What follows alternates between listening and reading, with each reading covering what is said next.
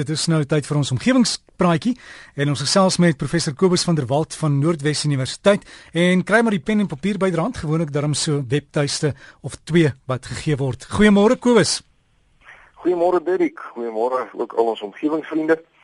Ja, vanoggend wil ek graag twee briewe behandel. Die eerste een van meneer en mevrou Tooi en Magriet Olivier wat naby Kaap Gullis woon, daar in die suidelike deel van ons land. En hy skryf hulle woon al vir die afgelope 25 jaar op die mees suidelike punt van die land. Uh, hy is nou 'n pensionaris, maar voorheen het hy as elektroniese tegnikus by Oeverberg Toetsbaan by Waarnhuiskraans gewerk. Hy sê dit is vir hulle 'n geweldige voorreg om daar in die byna ongereptheid te woon waar die lug nog skoon is en mense nog naby aan die natuur kan leef. Nou ja, meneer Olivier, ek self was nog nooit in my lewe by Kaap Gullis nie, maar as ons gespaar bly, dan gaan ek so oor 10 dae omtrent vir so 'n dag of twee op Struisbaai by vriende kuier. En ek gaan dan definitief die moeite doen om op die mees suidelike punt van ons kontinent te gaan staan sodat ek ook kan sê ek was al daar. Maar nou ja, terug by die navraag. Meneer Olivier sê hy wonder oor die energiedoeltreffendheid van die moderne motor. Sy gevoel is dat die vervaardigers in hul pogings om meer doeltreffende brandstofverbruik te verkry, nou baie duurder ontwerpe soos duur liggewig materiale as ook meer ingewikkelde masjiene met kleiner meganiese toleransies en turbo aanjaars en druk aanjaars en rekenaars en alles moet ontwerp en al hierdie navorsing en ontwikkeling kos natuurlik reuse bedrae geld. Nou die vraag is of die ekstra koste wat op dië manier aangegaan word wel verhaal word deur die beter brandstofverbruik oor die lewensduur van die voertuig. Hy wonder of 'n hele oefening nie maar soos ons Engelse vriende sou sê 'n catch 22 'n 22 situasie is nie. Hy sê dit lyk vir hom die vervaardiger spandeer byvoorbeeld sê nou maar 100 000 rand per voertuig om die ding bietjie meer brandstof doeltreffend te maak, maar dan spaar die motoris maar net 'n fraksie van daardie ekstra ontwikkelingskoste aan brandstof oor die lewensduur van die voertuig. Sal dit nou nie beter wees om eerder nou baie goedkoper motors te hê nie? Eenvoudiger motors maar baie goedkoper al is sulke motors dan nou swaarder op brandstof. Nou baie dankie meneer Olivier vir u brief en die antwoord op u vraag hang natuurlik af vanuit watter hoek 'n mens nou na die situasie kyk en op watter manier ons ons sommetjie maak. As mens nou suiwer vanuit die hoek van 'n voertuig eienaar se sak kyk, dan mag dit moontlik sin maak om 'n goedkoop motor te ry wat maar bietjie swaar op petrol is. Maar dit is natuurlik net waar terwyl die petrolprys nie te hoog is nie. So dis 'n dinamiese situasie wat daagliks kan verander en as die petrolprys die hoogte inskiet, dan kan 'n klein verbetering in die brandstofverbruik van 'n motor 'n dramatiese koste-implikasie hê. Maar as mens nou egter vanuit die omgewing se perspektief na die saak kyk, dan verander die prentjie heeltemal. Want eerstens is fossielbrandstowwe besig om op te raak. So ons moet meer spaarsamig daarmee werk. Tweedens sal mens aspekte soos die omgewingsinvloede wat gepaard gaan met die ontginning en raffinering van brandstowwe in ag moet neem.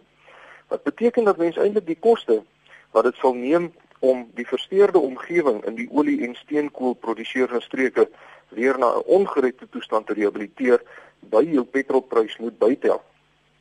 Verder sal mense die hoër volumes uitlaatgasse wat onekonomiese motors vrystel ook moet bereken.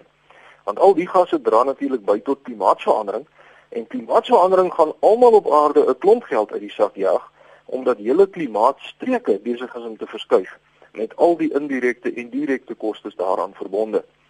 Ek dink die feit wat die mense nie uit die oog moet verloor nie, is dat verbeterde enjinontwerpe soos met meeste tegnologiese ontwikkelings inkrementeel is. Met ander woorde, klein verbeteringe word voortdurend gemaak.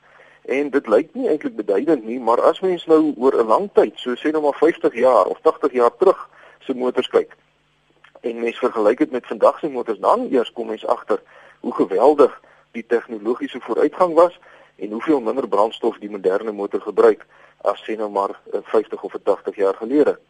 Die verskeidelde indirekte kostes word as 'n reël nie deur die mens in ag geneem by sulke vergelykings nie. Want bittermin mense dink eintlik 'n slag mooi na oor die feit dat ons almal die atmosfeer eintlik gebruik as 'n afvalhoop vir gasse waarvan ons ontslae wil raak. Dis nie net motors nie, dis industrie en enige ding. Ons gee eintlik nie om dat al die gasse in die atmosfeer beland nie, want daar is ingeskaapte stelsels in die natuur wat die gasse weer verwyder en die atmosfeer vir ons skoon maak. En dis natuurlik die plante wat deur fotosintese uh, sekere gasse absorbeer en dan vir ons suurstof gee. Maar die punt is dat na mate daar al hoe meer motors op aarde bykom, die natuur se vermoë om die atmosfeer skoon en leefbaar te hou oorskry word. En dis presies waarom ons vandag sit met iets soos klimaatsverandering. Ons pomp kweekhuisgasse teen 'n vinniger tempo die atmosfeer in as wat die natuur daarvan ontslae kan raak. En nou begin dinge skeefloop. En as ons nou in ag neem, ek praat nou nie oor industrie vandag nie, kom ons bly by motors. Dat die die aantal motors was in 2011 reeds meer as 1000 miljoen. 1000 miljoen motors op aarde in 2011 reeds. En verder dat daar elke dag omtrent 170 000 nuwe motors op aarde gebou word. Dan dink ek dis heeltemal duidelik waarom selfs 'n klein verbetering in brandstofdoeltreffendheid 'n baie goeie ding is. Baie dankie meneer Olivier van Kaapgalle se wêreld vir u navraag. En terwyl ons by motors is, meneer Klif van Wyk van Klerksdorp het 'n ander vraag wat met motors se uh, se invloed op die omgewing verband hou. En dit gaan oor die rubber wat van motorbande af verweer. Hy wonder wat van al die rubberstof word wat vrygestel word na mate buitebande afloop en of die winde dalk nou in die natuur inwaai of reën dalk in die riviere inspoel en wat die invloed daarvan op die omgewing is. Nou baie dankie meneer van Wyk vir die navraag. En die antwoord daarop is dat daar wêreldwyd hieroor navorsing gedoen word omdat rubber swaar metale soos sink en kadmium bevat, asook dan natuurlik koolwaterstowwe, latex en swaal. En dit is veral in die wateromgewing dat die rubberstof 'n probleem kan veroorsaak as die konsentrasies te hoog raak omdat die giftige stowwe dan kan uitloog en in die water kan beland en mikroorganismes kan doodmaak. Nou in 2002 reeds is 'n artikel gepubliseer wat wys dat alge, waterhondjies, watervloeie en slakke eintlik baie kwesbaar is teen hoë konsentrasies rubberstof. En hierdie is 'n duidelike voorbeeld van hoe die natuur dramaties onder ons neuse aan die verander is sonder dat ons dit eintlik agterkom. Die invloede uh, soos hierdie, dit is invloede soos hierdie en, en dink jy hoe van rubber word nou wêreldwyd van buitebande af in die omgewing vrygestel. Nou dis invloede soos hierdie wat ongesiens talle organismes doodmaak en uitroei.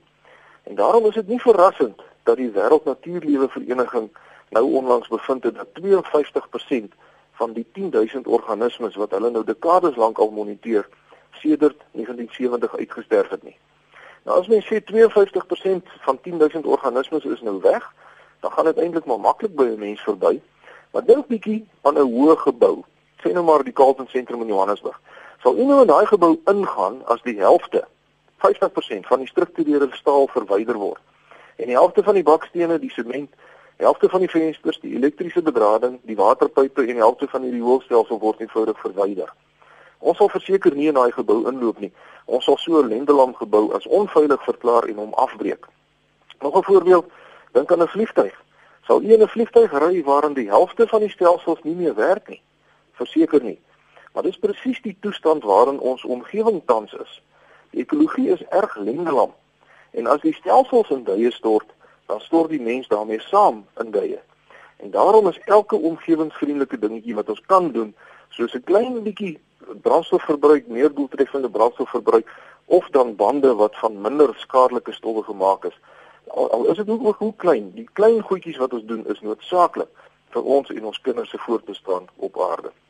Direk daarmee sluit ek af. Skryf gerus vir my. Uh, my e-posadres is kobus.vanderwalt@nwu.ac.za of by die fakulteit Natuurwetenskappe, Noordwes Universiteit, Potchefstroom 2520. Vriendelike groete tot 'n volgende keer. Dankie Kobus, het julle al planne om toe te maak vir die jaar of is julle nog besig? Weet die universiteit maak mos eintlik nooit toe nie, jong. Die studente maak toe. Hulle gaan ou vakansie, maar dis eintlik dan nie tyd wat ons personeel maar ons navorsing moet doen in die nagraadse die meesters en doktorsgrade uh, moet begelei en so aan. Maar ons is daarom hier so tussen Kersfees en Nuwejaar is die is die universiteit toe. Maar vir jaar Derek vat ek 'n bietjie vakansie. En ons ry as ons gespaar wil nou vandag oor 'n week en dan kom ek eers hier vroeg in Januarie weer terug hier in Potchefstroom. Maar ek berei my omgewingspraatjies nou al voor. So jy kan my maar op die selfoon bel en dan sal ek maar met ons mense gesels. Dit bly daarom lekker. Haai, Kobus, dink sommer lekker as mens gaan vakansie hou. So gesels ons dan met Kobus van der Walt. Daai e-posadres is kobus met 'n k, kobus.vanderwalt by nwu.ac.za. Ek gee weer kobus.vanderwalt aan mekaar by nwu.ac.za.